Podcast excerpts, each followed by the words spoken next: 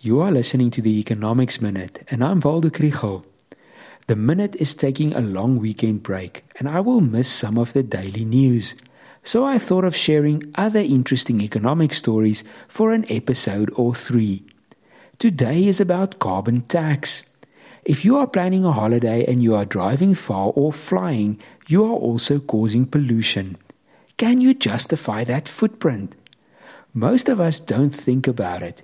But if you do go to the trouble to find out about it, it's 0.36 tons to fly to and from Cape Town, or 0.22 tons of carbon to drive from Potch to the Kruger Park and back.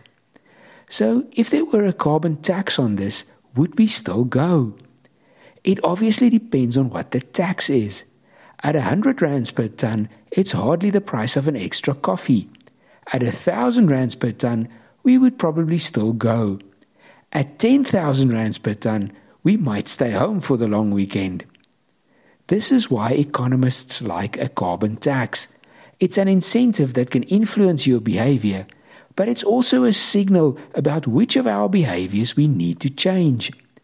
When a carbon tax makes the impact on the environment as clear as any other cost, everyone will start thinking more about environmentally friendly options.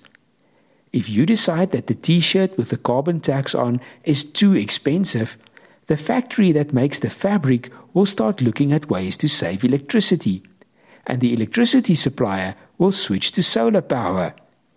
Each part of the chain can become greener.